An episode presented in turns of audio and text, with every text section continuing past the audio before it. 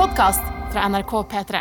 I dag skal Filmpolitiets podkast være via TV-skjermen. Ja, fordi nå har høstmørket senka seg, og derfor skal vi kose oss i sofaen fremover. Og vi har plukka ut de ti seriene vi gleder oss aller mest til i høst.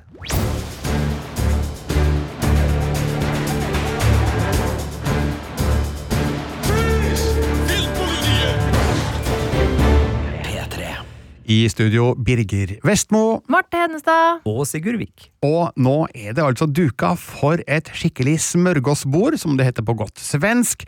De ti mest spennende seriene som kommer denne høsten og vinteren. Og hvordan eh, har vi egentlig utarbeida denne lista, Marte? Nei, altså, Der har jo vi gått gjennom eh, alt vi eh, har fått av oversikter fra alle de forskjellige strømmetilbyderne som er, og kanalene som er å oppdrive i Norge. Sett på hva de har på programmet for høsten.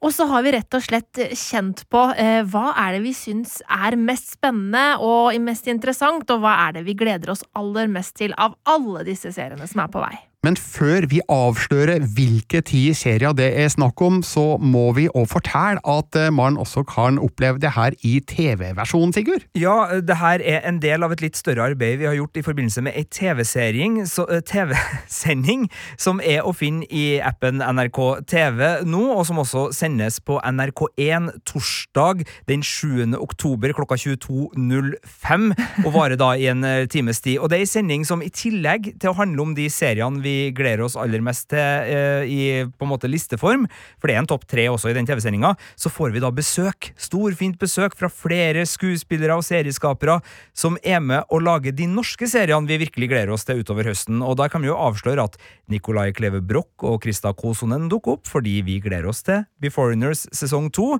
Eh, Jonis Josef dukker opp fordi han har laga forsikringsbransjedramakomedie som heter Kasko. Og så skal vi ikke si så mye mer, men dere som er interessert, må gjerne sjekke ut der, og der får dere jo også se veldig mye av de seriene vi skal snakke om nå, for vi har vært og henta trailere og laga klipp.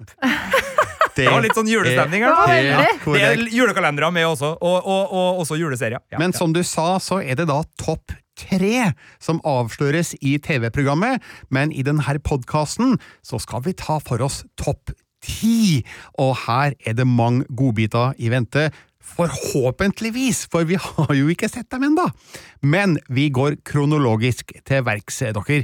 Vi starter på tiendeplassen, og der finner vi en originalserie på Apple TV Pluss som heter Invasion.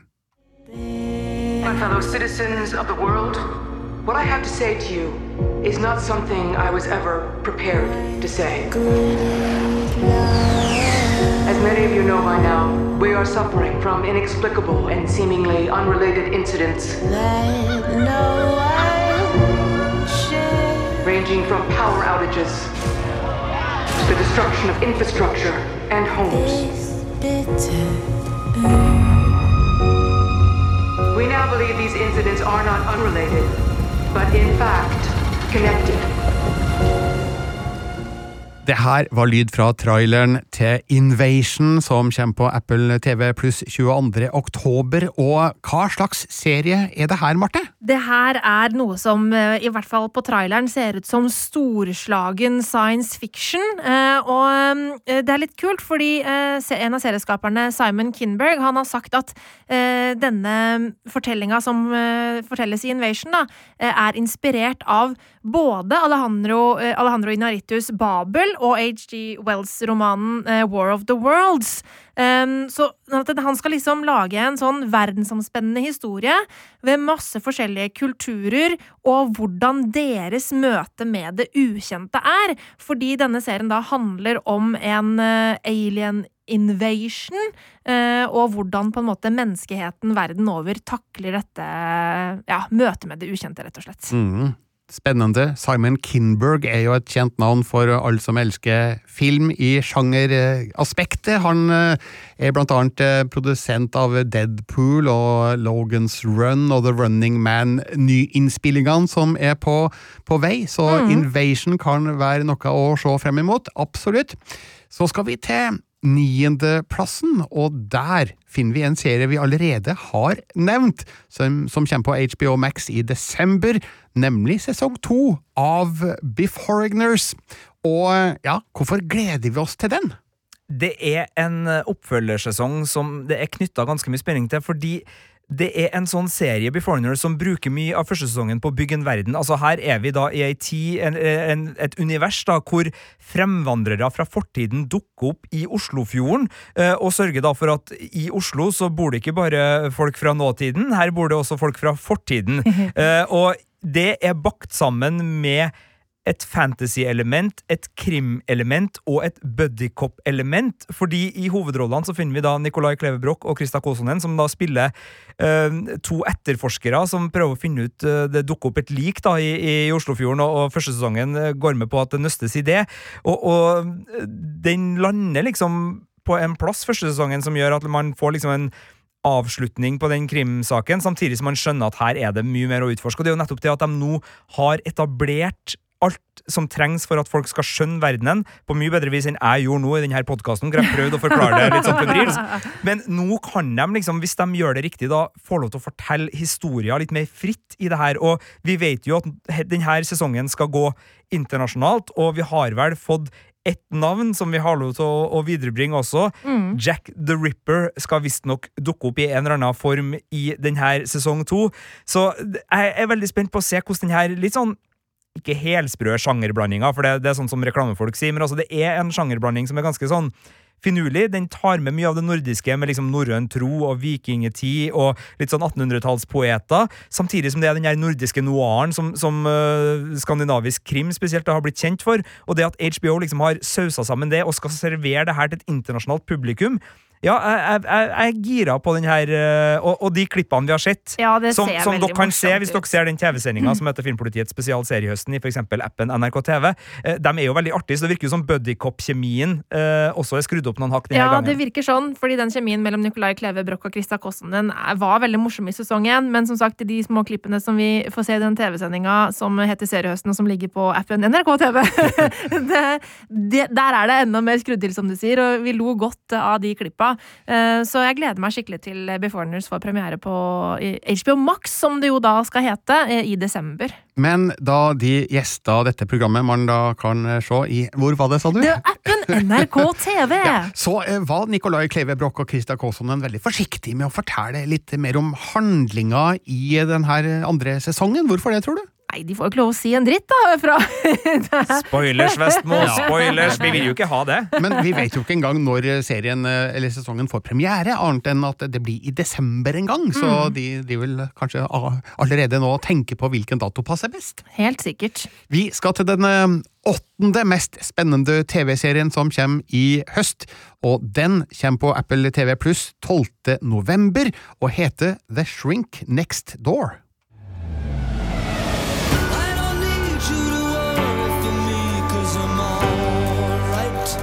Everything is not fine. You're a nice guy. I'm not going to let anyone use you. Therapy works. It's empowering. It's liberating. I feel like I'm on drugs. I mean, I've never taken them before, but I mean, I assume this is what drugs feel like.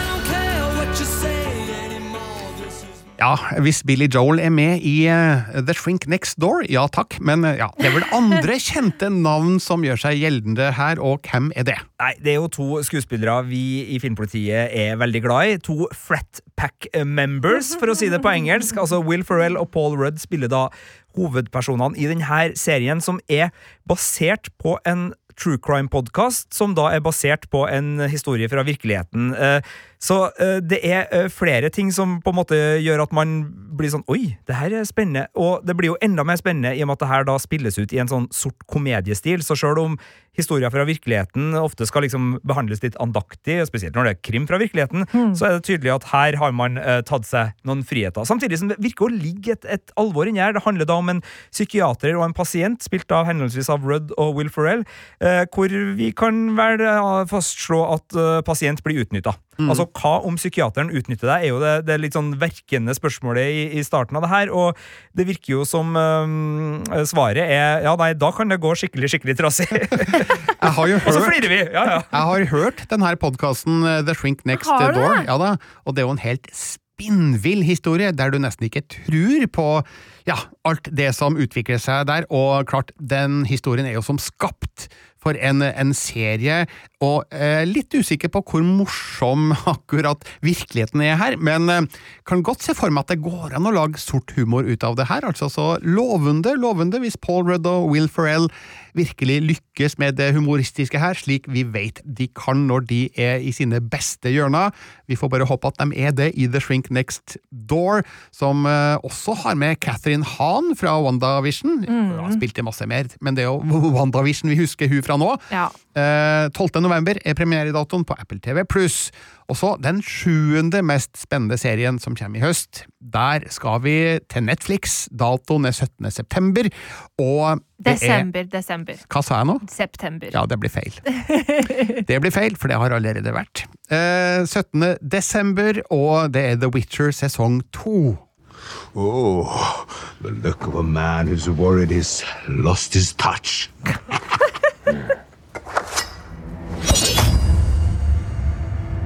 The look of a man who's wondering why his old friend is cheating.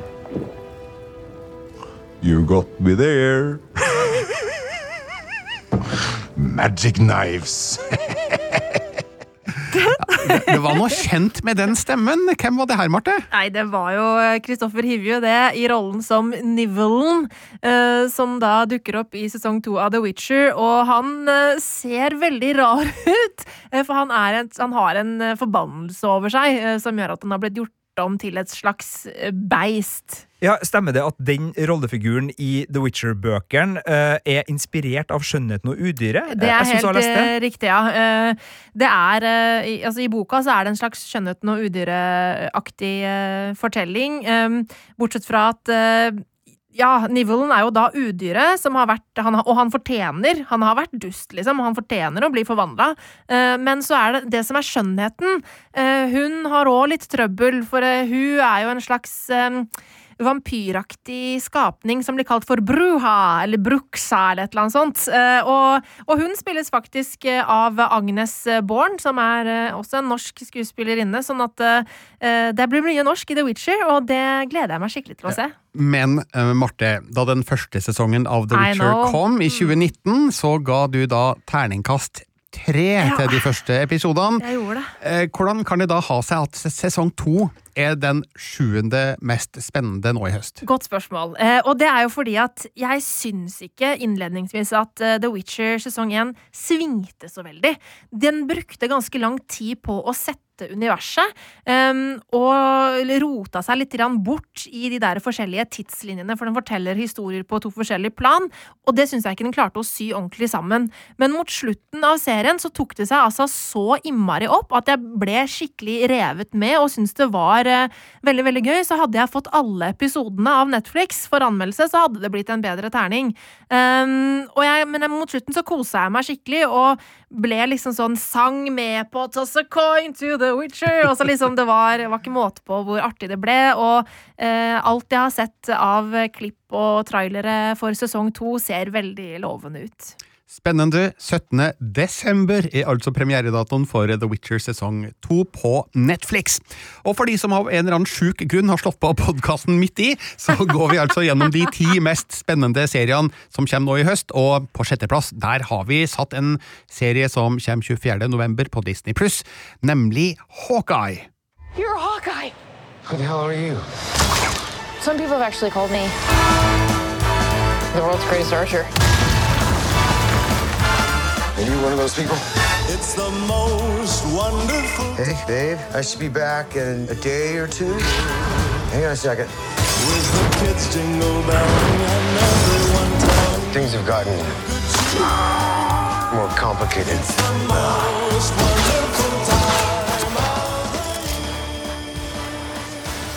Altså, vet dere hva? Nå fikk jeg julestemning I starten av oktober, og det føltes helt feil. Det føltes ut som et svik mot jula. Men hvorfor hører vi de her liflige tonene, Marte? Det er jo fordi at Hawkeye er en superhelt-juleserie som tar oss med inn i julestemningen. Og den har jo da premiere 24. november, en hel måned før julaften, så det er jo problematisk at, eh, at vi skal høre sånn her type julemusikk og være i juleland, men jeg kjenner at eh, jeg blir jo revet med, da. Ja, men sånn rent teknisk så bør jo vi, i hvert fall vi i denne redaksjonen, vente med å se Hawkeye til første søndag i advent. Ja, for det er jo regelen. Altså, hvis første søndag i advent faller før 1. desember, så er det greit med alt av jul. Hvis første, desember, hvis første søndag i advent faller etter 1. desember, så er det 1. desember som gjelder. Mm. Og jeg pleier å være veldig streng på det.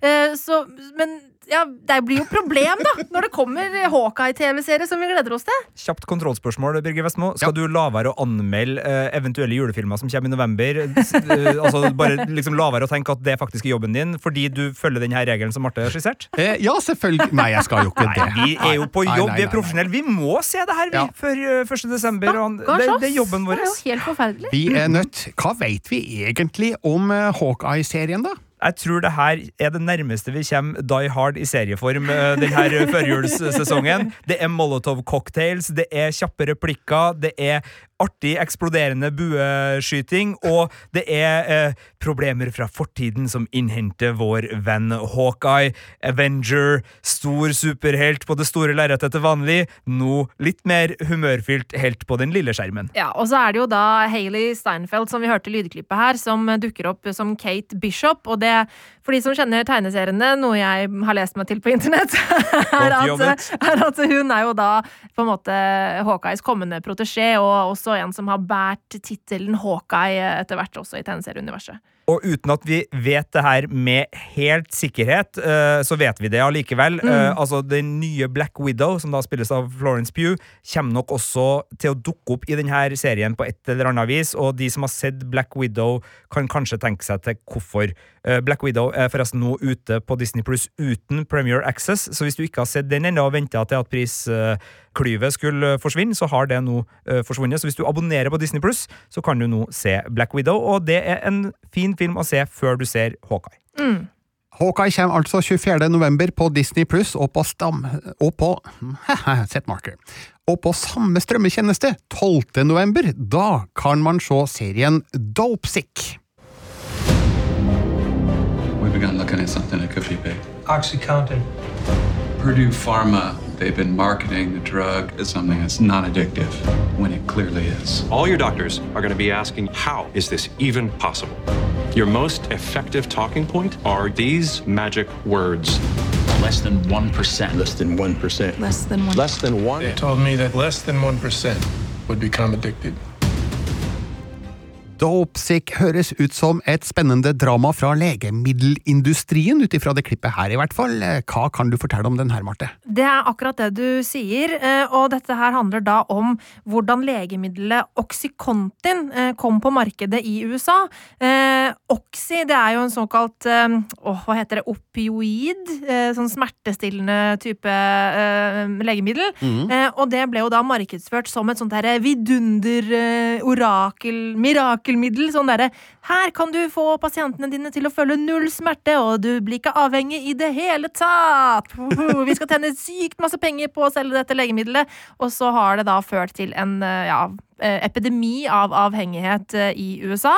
Eh, Så dette her er jo en eh, serie som er eh, basert på virkelige hendelser eh, i litt sånn større forstand. eh, Og det er en hel haug med interessante skuespillere med blant andre Michael Keaton, som spiller da en lege som gjør nettopp dette. Han blir lurt og, og skriver ut eh, Oxycontin til sine eh, pasienter i en eh, gruvelandsby. Så er vi jo veldig spent på om da han på et eller annet tidspunkt i denne serien vil si I'm Batman.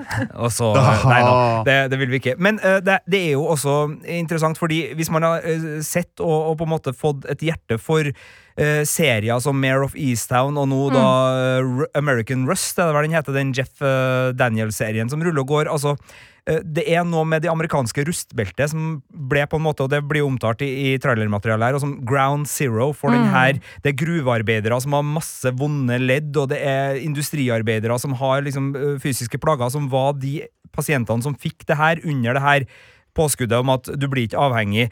Og de har jo da blitt avhengig, og, og vi følger jo også enkelte i, i denne dramatiseringa som, som ikke bare kjemper mot legemiddelindustrien, men som er ofrene Ja, ja, ja. eh, for det her. Så, Mm. så det virker jo å være et, et drama som både engasjerer i en ren sånn her noen må ta oppgjør med dere svinene på toppen, samtidig som den har et hjerte for liksom både hvem som rammes, og, og dem som prøver å hjelpe, og dem som prøver å sko seg på det. Og det gjør jo at det her er en serie som eh, både kan engasjere og underholde, da, hvis man bruker underhold i en litt vid forstand her utover Mm. eh, høsten. Og så er den jo, eh, serieskaperen her er Danny Strong, og det er jo han som har skrevet mm, Empire-serien. Eh, Han har jo vunnet flere Emmy-priser og er en veldig dyktig fyr. Så eh, med liksom det der laget han har med seg av skuespillere, eh, og, så, og liksom denne, hele denne settingen, det, det er sånn derre Det virker å være prestisjedrama, som er et sånt der ord vi av og til bruker.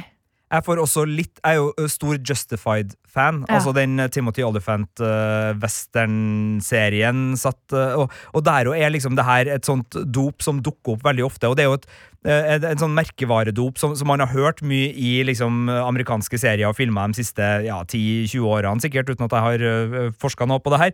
Men, men det gjør jo at man liksom Det å få in mer innsikt i hva det her egentlig var, Mm. det, det gleder jeg meg til. Og jeg syns jo det er kjempespennende at Michael Keaton har en ny, stor, fremtredende rolle i et prestisje-TV-drama som jo han var jo stor på slutten av 1980-tallet, i filmer som Beetlejuice og de to Batman-filmene til Tim Burton. Og så har han jo jobba hele veien etterpå, men vært litt sånn borte eh, fra liksom toppen av stjernehimmelen. Og så kom han tilbake med Birdman i 2014, og så siden så har vi jo sett den i filmer som um, Skurk i Spiderman, Ja, ja, altså, ja, Spotlight. Spotlight og The Trial of the Chicago Seven, Mm. og, og nå filmer han jo faktisk da en ny Batman-rolle i eh, The Flash-filmen. Så han er tilbake der han starta da som storstjerne på slutten av 1980-tallet. Men Dopesick, Dope Sick, altså, den kan man eh, se på Disney pluss fra og med 12. november. Eh, i god tid før det, og ikke lenge til, 18. oktober, da er det premiere på HBO Nordic på en etterlengta tredje sesong av Succession. My family have disappeared. I need to know where everyone is and what everyone's thinking. There he is, the little man who started this big war. Right now, I'm the real you. Sure. And I'm the real you. You sound deranged. Ja, Vi har venta lenge og vel på at Succession sesong 1 og 2 skulle få sin eh, oppfølger, fordi det har vært eh, pandemi og litt sånn stillstand i produksjonsmiljøet i Hollywood og andre steder, og det har jo også ramma Succession, men nå får vi endelig svaret på hva som skjer videre i eh, mediefamilien Roy, der det oppsto en pikant situasjon i slutten av sesong sesong to, der eh, far i huset, nær sagt, Logan Roy, spilt av eh, Brian Cox, endelig ble utfordra av sin sønn Kendal Roy, spilt av Jeremy Strong, og denne maktkampen, den er det jo all grunn til å tro vil fortsette inn i sesong tre. Det er da familiekonflikter og store penger som står i sentrum her, og jeg regner med at det rikholdige persongalleriet er minst like spenstig og interessant som det var i de to første eh, sesongene. Eh, vet vi nå flere detaljer om handling her? Jeg har liksom prøvd å la være å sette meg inn i akkurat uh, plot points, fordi jeg har stor sans for å se en serie uten å vite for mye. Ja, og, og, og det gjør at vi også skal være litt forsiktige her. Men det er en trailer ute som, som eh, gir noen hint. Ja, for og det er jeg, jo- jeg har ikke sett den. Nei, eh, jeg kan si så mye, for vi skal være forsiktige her. Den kommer nå allerede den 18. Vi skal, vi skal ikke ødelegge noe mye, men etterspillet etter den konflikten du nevnte, og du snakka jo om alt det store i denne serien, men småligheten er jo kanskje det viktigste. Altså, det, det er et eller annet med hvordan de her menneskene alltid klarer å, å føle seg forsmådd, eller må liksom borti og pirke og, og lure på, og, og den der eh, kontrollen som eh, gamlefar uh, sjøl holder, da, og, vi hørte jo i lydklippet her, altså han må vite alt, jeg må ha full kontroll, og han sier vel også nå blir det beast mode i den traileren på et eller annet tidspunkt, og han pælmer mobilen sin. Så det er klart, eh, både det tøysete For det er eh, komedie og, og saftig satire inni her. Altså det, det der eh, barneskoleslagsmålstemperamentet som ligger i denne serien, det blir skrudd opp. Og, og vi merka jo at liksom, sånn, dialogene er liksom full av sånn kjekling som er sånn skikkelig barnslig og teit. Samtidig da, som ja, det her foregår jo på toppen av medienæringskjeden i USA, så det er klart det er en prestisjedrama. Også det, det, det, er en helt herlig ja, ja. sjangerblanding Adam McKay og gjengen har, har fått det her. Ja. Så ja, eh, jeg tror vi skal bare slå fast at det her kan, og forhåpentligvis, bli en skikkelig høstfest. Mm, det tror jeg også. Det er klare paralleller til Murdoch-familien eh, inni her et sted, tror jeg. Jeg vet ikke om de er så store fans av Succession, men alle vi andre kan i hvert fall eh, ja, se fram til noen spennende episoder med mer familiedramatikk på medietoppen, når den her har da premiere, som sagt, 18. oktober på HBO Nordic. Vi skal opp på topp tre, folkens, og den tredje mest spennende serien i høst, ifølge oss i Filmpolitiet. Den kommer på Disney Pluss 13. oktober og heter Reservation Dogs. You're good thieves. Best in town. Oh, thank you. It is a small town. Tell your friends. I don't have any. Go get some then. Okay. We could be in California as soon as two months. California, here we come. Hvem kan fortelle meg hvorfor jeg bør gleder meg til Reservation Dogs. Jeg tror det er du, Sigurd. Jeg kan gi det et uh, forsøk. Altså, uh, Taika Waititi Greit! Kjempefint. Hva har vi på andreplassen? Hva har vi der? Ja. Nei, uh, det er Taika Waititi som er medserieskaper sammen med Sterling Harjo på denne serien. Og det er klart, av de to så er det Taika som er den mest kjente. Han har gitt oss to Ragnarok, han har gitt oss What We Do In The Shadows-filmen, og er også produsent for TV-serien, og Jojo Rabbit, ikke minst, da, som ja. ble en Oscar-vinner. Yep. Eh, og på en måte kanskje eh, nært litt nærmere knytta til denne type serie av type film. Den derre Hunt for the Wilder People, hvis det er noen som så den. Jeg tror det er litt i det landskapet vi skal i nå. Ja, det er i hvert fall et sorthumoristisk landskap med masse overdrivelser og fjas, men på en bunn av både sårhet og eh, sosiale problemer og eh, noen spesielle problemer USA har skapt for seg sjøl, som det her tas opp. For det her er eh, fire tenåringer som vokser opp på et reservat i Oklahoma, USA, der de både er kriminelle og bekjemper kriminalitet, ifølge synopsisen, uh, fordi de prøver å skrape sammen nok kroner til å komme seg uh, bort fra reservatet og til California. Og sånn som reservatet skildres, for jeg har så vidt gløtta på det her, det er um, en litt sånn det er en veldig god plass for amerikaner av den litt sånn der slitne countrysangsorten. Altså, her er det litt dårlig med dollar, her er det mye som er slitt, her er det folk som går arbeidsledig, uh, og det er liksom kø på klinikken, og det, er en del av de sosiale problemene som skildres med en ektefølthet, uh, samtidig som det er sketsjkomediefolk som står bak det her, så det er alltid en punch. Det er alltid en pønn, og det er veldig mye herlig der. Det er, jeg tror de heter 1491, den her kanadisk-amerikanske sketsjgruppa, som består av eh, nordamerikansk urbefolkning, da, og som uh, Sterling Harjo, den ene serieskaperen, eh, er med i, tror jeg, eller i hvert fall er knytta opp mot. De har også en del av regissørene, og de, de har vel sjøl sagt at de digger Monty Python ganske bra, og, og man merker liksom at her er det humor som kommer med brodd og kunnskap og, og vesentlighet da, fra et amerikansk uh, urbefolkningsperspektiv. Uh, og det er jo ikke noe tvil om at Hollywood har jo veldig store synder mot uh, å skape skadelige stereotypier av amerikansk urbefolkning, spesielt gjennom westernsjangeren opp igjennom. Altså, der har det vært gjort mye dårlig. Og jeg ser også i gjesteroller altså Gary Farmer er med som en gjesterolle her, og han var jo sentral i filmen Dead Man, som Jim Jarmers laga i 1995 med Johnny Depp i hovedrollen og Iggy Pop og Billy Bob Thornton i flere sentrale biroller, og ikke minst da uh, Neil Young på soundtracket, som laga en uh, ja, Det er jo en av mine favorittfilmer. Mm. Uh, den filmen var jo også et oppgjør med westernsjangeren og westernsjangerens behandling av amerikansk urbefolkning. Uh, så, så, så det her er også en serie som er veldig klar over sin posisjon der, og plukker og også kan jo si at uh, Zack McLarnon, som da er veldig kjent fra Fargo-serien, også uh, spiller politimann i, på reservatet her, og uh, mye comic relief, men, men eh, også en, en eh, ja, eh, interessant rollefigur. Så det, det er veldig mye forskjellig her. Tempoet er høyt, musikken går fra liksom hiphop og indie-rock og gamle punk med iggy-pop til liksom knallhard stoner fra 90-tallet. Altså det, det er utrolig mye sånn fascinerende sjangerblanding, men, men totalen er veldig lovende. Har eh, ikke fått uh, kasta meg overalt ennå, men, men det lille jeg har sett, eh, gjør at eh, for meg, da, med liksom Atlanta, Fargo og eh, amerikansk alternativ-western og litt sånn opprørsk ånd, eh, jeg tror det her er høstserien for meg, altså. Åh, jeg gleder meg skikkelig. Det blir så sykt bra. Høres kjempespennende ut, og det er jo ikke lenge til den kommer. Datoen er 13. oktober, og det er Disney pluss som da har Reservation Dogs. Da er vi oppe på andreplassen, og der finner vi The Book of Boba Fett, som kommer til Disney pluss 29. desember 2021. og ikke forstår jeg hvorfor den ikke er helt på topp, men her har vi en liten prat vi kan ta etterpå, Marte.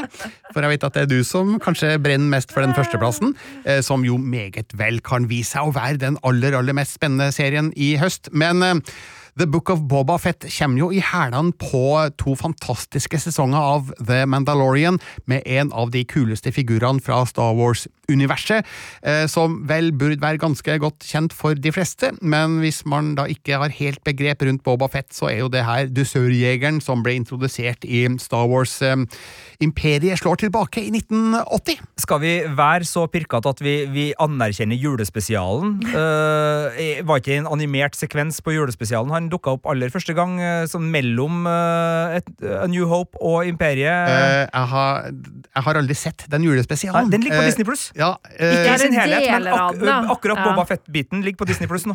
Så den eksisterer offisielt? Ja, Boba Fett-biten av julespesialen eksisterer offisielt. Ja, men den, eh, hvilket år kom den julespesialen? Var ikke det i 78? Ja, det var så tidlig. Jeg tror, okay, det, jeg tror det Jeg kommer tilbake på fortsatt. Men skal ja. i hvert fall i spillefilmversjonen så ble Boba Fett introdusert i Imperiet slår tilbake, og sjøl om han ikke var med så innmari lenge, verken i den filmen eller i den påfølgende Jedi-ridderen til vender tilbake, så har han blitt en fanfavoritt, og det har jo oppstått en hel mytologi rundt Boba Fett eh, i fankulturen.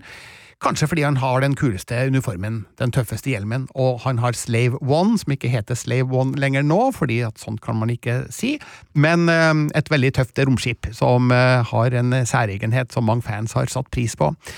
Og så døde han jo da i Jedi-ridderen vender tilbake, i hvert fall så det sånn ut da han ramla ned i Sarlacc-pitten, eh, som jeg ikke trenger å gå nærmere inn på hva er for noe her, men eh, så, så viser det seg jo at han har på et eller annet vis overlevd, for i sesong to av The Mandalorian så var han tilbake. Litt eldre og um, uten eh, hjelm og uniform, men eh, han har tydeligvis eh, kommet seg vekk fra Sarlacc Pit, og det ble aldri adressert i The Mandalorian på noe vis, og det er kanskje et av poengene vi håper blir eh, tatt opp i The Book of Boba Fett. Hva skjedde med han den gangen? Hvordan kom han seg vekk fra Sarlacc Pit? Eh, og hva, hvordan ble han kvitt uniformen sin? Hvordan mista han den? For den er han jo åpenbart veldig lysten på å få tilbake i The Mandalorian. Eh, og hva skjer egentlig med avslutninga på sesong to av Mandalorian, der vi ser at Boba Fett rett og slett inntar Jabba the Hutts trone? Hva kan utviklinga bli her? Her er det så mange spørsmål som henger i løse lufta, og det er så lite vi vet om handlinga i The Book of Boba Fett. Altså, vi vet ingenting, bortsett fra at Temuera Morrison igjen skal spille Boba Fett, og vi vet at han får selskap av Fennec Shand, spilt av Ming Na Wen. Og foruten det, så aner vi ikke hvem som er med i The Book of Boba Fett. Det er så hemmeligholdt, det her, at eh, ja, hva som helst, kanskje. Er det noen som har noen tanker, noen, eh, noen teorier her om eh, hvordan The Book of Boba Fett kan se ut? Eh, jeg, jeg håper jo de fortsetter i det samme sporet som Mandalorian, sånn estetisk. De må gjerne skru det opp enda litt mer. altså, Enda gjerne- litt mer ja, ja, ja. gritty, tipper jeg det blir. Bare dra på der, men, men at det i hvert fall ikke eh, havner noe under det i produksjonsvalue, eh, for å si det på, på Ja, godt men det gjør det helt sikkert ikke, fordi vi vet jo fire av regissørene her, i hvert fall. Robert Rodriguez, John Favreau, Dave Filoni og Bryce Dallas Howard. De har minst én ehm, eh, episode hver, og de laga jo også episoder av eh, The Mandalorian, som jo John Favreau var skaperen eh, bak. Litt usikkert for meg hvem som egentlig står som skaper av The Book of Boba Fett, for det tror jeg ikke er opplyst, men John Bartnicki er i hvert fall eh, hovedprodusenten da av ja, The Book of Boba eh, Fett. altså på den derre eh, Den eh, pressedagen som var eh, da vi trodde at vi skulle få vite når neste sesong av The Mandalorian kom, da altså Kathleen Kennedy eh, sa The next chapter of The Mandalorian story eller noe sånt nå, will come out in December 2021.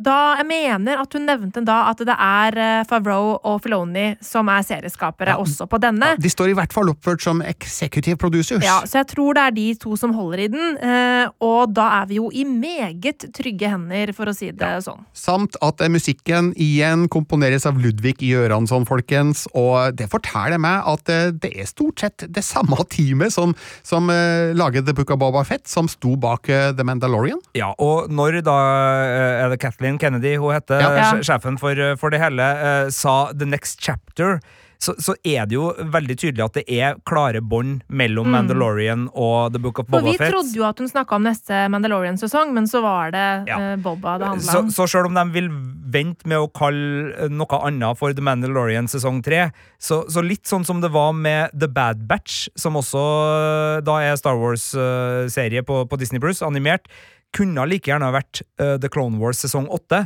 men de valgte å sette et skille og separere det der under et eget navn. og eh, nå vet jo ikke jeg nok, men jeg, tenker jo at det er litt det samme. altså at Det her henger veldig sammen. Jeg tenker jo at det er rollefigurer i spill, eh, som vi har sett i Mandalorian, som vi kjenner fra både Skywalker-sagaen og, og ellers, som kan dukke opp også her. Og, og tidslinjemessig så håper jeg jo at vi skal fortsette der vi så Bobba uh, runde av eh, sesong to Mm. av Mandalorian. Men uh, det blir jo veldig spennende, og så skal vel vi uh, diskutere og ha litt fanteorier og, og holde et veldig godt øye med denne serien eh, når den da begynner å rulle i gang. Selvfølgelig skal vi det. det mens, mens du snakka nå, så bare så jeg på Internet Movie Database-posten til The Book of Boba Fett, og eh, fotografene her er jo også av høyeste kaliber. Altså David Klein han har eh, fotografert eh, flere episoder av True Blood og eh, Homeland, eh, blant annet, og én av The Mandalorian.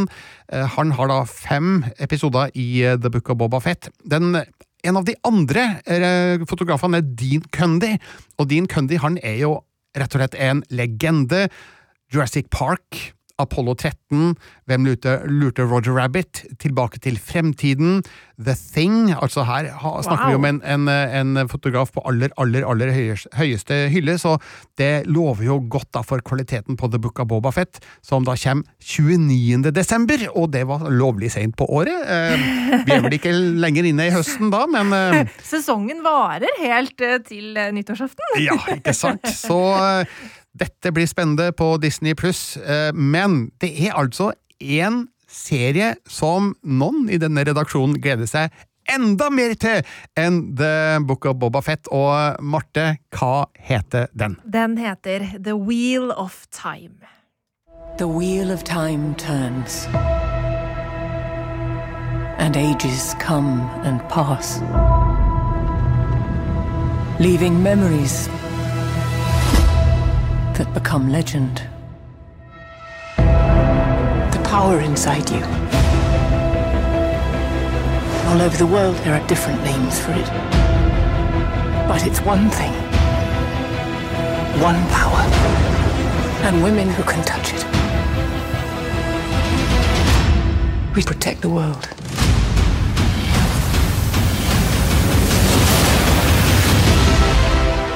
Wow, det hørtes pompøst ut, Marte! Å, fytti katta. Første gangen jeg så den traileren der, så begynte jeg å hylgrine da jeg hørte Rosamund Pike sin stemme. The wheel of time turns. Jeg bare Ja! For her er vi inn i din absolutte favorittsjanger, nemlig Fantasy. Ja. Det her er en bokserie opprinnelig, som da var større enn Game of Thrones på et tidspunkt. Ja, dette her er jo da en bokserie eh, og- fra et bokunivers skrevet av eh, Robert Jordan.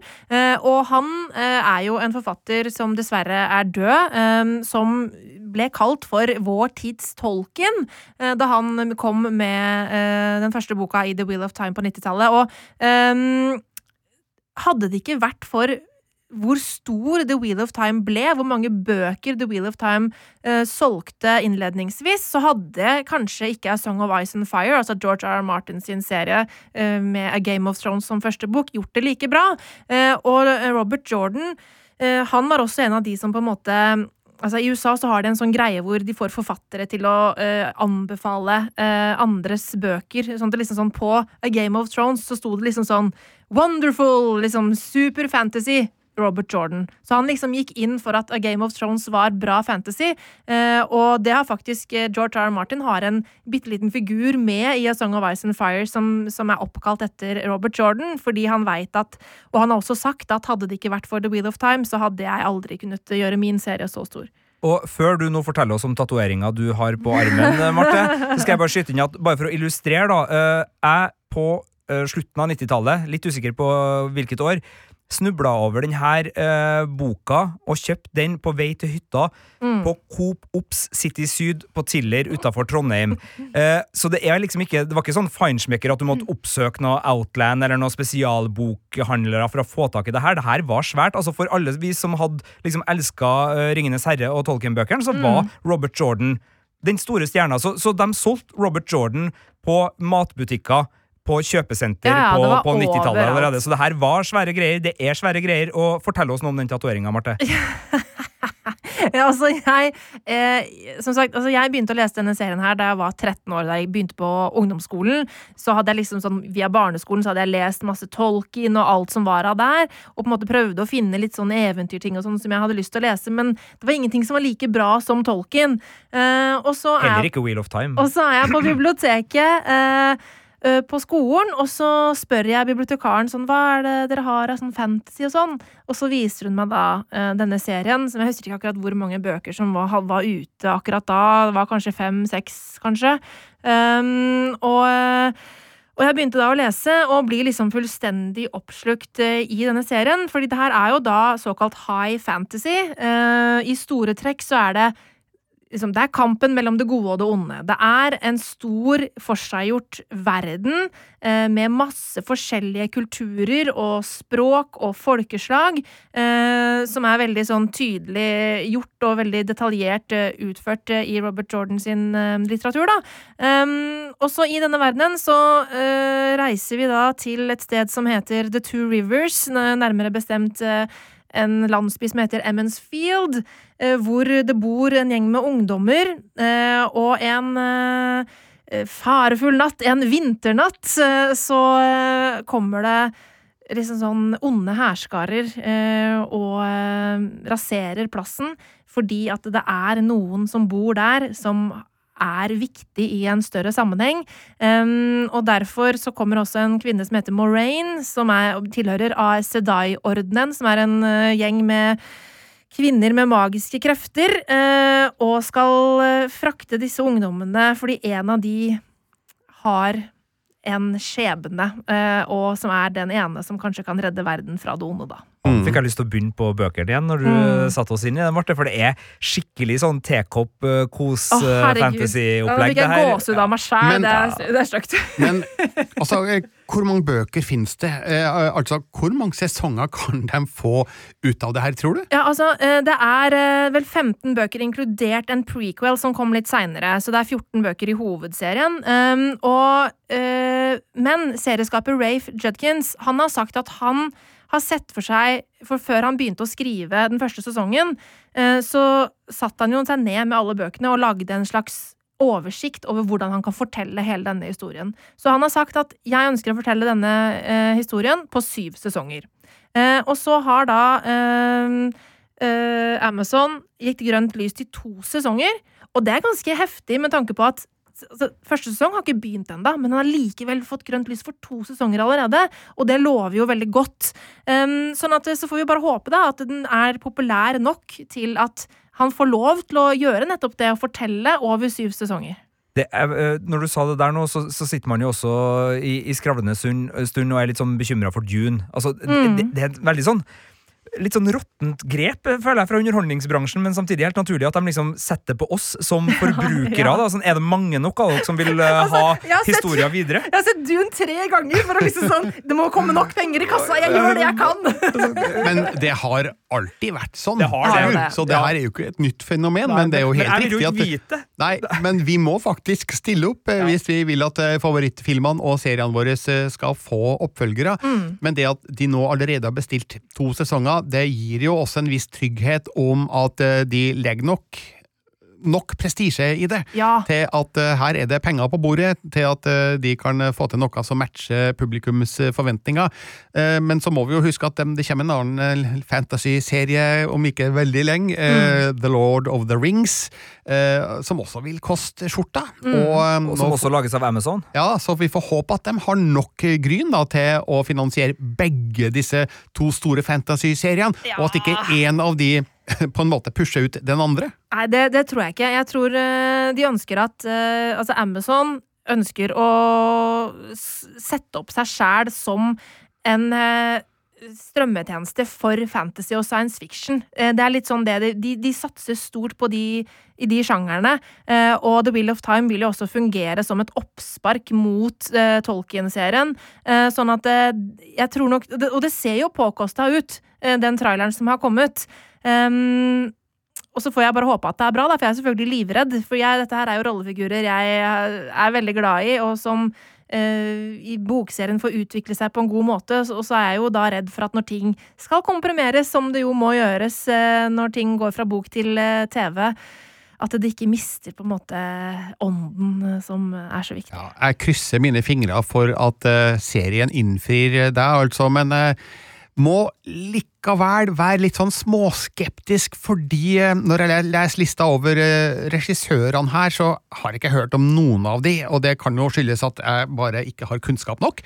Eh, Men Uta Brisewitz, Wayne Yip, Sally Richardson Whitfield og Sana Hamri det er ikke sånn household names, akkurat, Nei, som John. Favreau og Nei da. Robert Rodriguez på Book of Boba Fett. Det er, det er jeg helt enig i. Men eh, ja, Nå husker jeg ikke alle regissørene i hodet, men jeg har vært inne og titta på de forskjellige, og det er folk som har eh, god erfaring med kjente titler. Sånn at eh, det er ikke noe viser det her. Um, og også serieskaper Rafe eh, Judkins uh, har også uh, god erfaring, uh, sånn at jeg er ikke noe bekymra for det.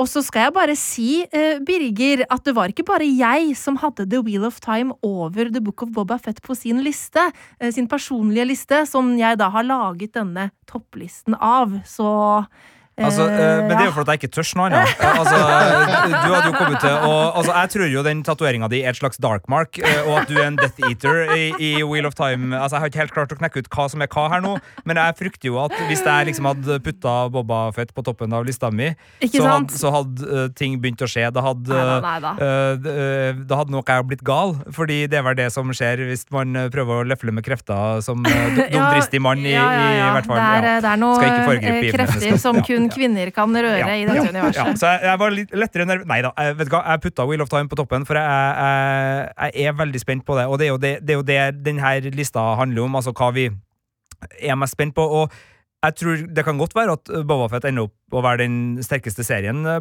av de to, Eh, men jeg, altså, det her har vært en serie som vi har gått og venta på så lenge, i likhet Mm. med Ringenes herre-serien. så så, så Ja, det altså- at vi liksom nå begynner å nærme oss og endelig få det, det gjør jo at uh, den der ganske sånn vanskelige gleder seg til-journalistikken uh, har fått eh, liksom et boost i den enden, da. Ja, men altså, vi har jo ikke venta så lenge på Ringenes herre-serien. Den kom jo litt sånn ut av det blå. Å, skal dere lage Ringenes herre-prequel? Altså, The Wheel of Time har man jo ventet på at skal få en eh, filmatisering eller en eh, TV-adopsjon i en årrekke. Eh, sånn at eh, da arbeidet eh, Altså bare da Rafe Judkins fikk jobben og begynte å skrive manus for flere år siden, allerede da så var det jo sånn der i fanmiljøet stor ståhei. Eh, og, og hvis folk syns at det, eh, det har vært, var spennende å på en måte følge med på eh, fanteorier og alt mulig sånt på internett eh, da Game of Thrones gikk på TV Dere skulle sett de forumene som fantes av theory-opplegg eh, på 90- og 2000-tallet. Eh, Game of Thrones er barnemat i forhold. Så hvis vi da tar vekten, den samla vekten av forventningene Marte Hedenstad opp gjennom årene har hatt til det her, og Birger Vestmos første møte med Bobafett på Stjørdal kino på 80-tallet, eh, så skjønner dere jo at Reservation Dog savna på tredjeplass, eh, for den visste jeg jo ikke om før eh, nå nylig. Så, så av oss tre, så, så, så er det litt så, så da vet folk liksom hva som ligger bak disse gleder seg til-listene. heftig. Jeg kan bare si at jeg lever godt med at The Book of Boba Fett er rangert på andreplass eh, på forventningslista vår. Og så håper jeg jo virkelig da at dine forventninger, Marte, innfris til gangs. oh, gud, ja. Når The Wheel of Time får premiere 19. november på Amazon Prime Video. Fritt for å anmelde den. det okay. blir meg! Det blir du. Det blir du. All right, greit. Den saken er avgjort. Det her var de ti mest spennende seriene som kommer nå eh, resten av året, ifølge oss i Filmpolitiet. Og for de som har glemt hva vi snakka om innledningsvis av denne podkasten, man kan nå se litt av denne lista i TV-versjon. Det kan du. I appen NRK TV så er det bare å søke opp Seriehøsten. Der får vi også besøk av eh, kjente skuespillere fra norske TV-serier vi gleder oss til. Og så får du se klipp fra flere av disse seriene som vi gleder oss til. Eh, Og så er det jo også en eh, liten eh, nettsak, som det så fint heter, ute også. Ja, hvis du syns det var sånn Å, hva snakka om i starten av den podkasten her? Så hvis du vil ha et sånt hjelpebrev til denne podkasten, så er det bare å gå inn på p3.no filmpolitiet. Der ligger topp ti serier vi gleder oss til i høsten 2021, så der kan du lese og, og finne ut mer om hvorfor vi gleder oss til akkurat disse seriene. Syns du, kjære lytter, at denne lista var helt topp eller helt ræva? Send oss en kommentar på e-post eh, filmpoliti, alfakrøll, nrk.no.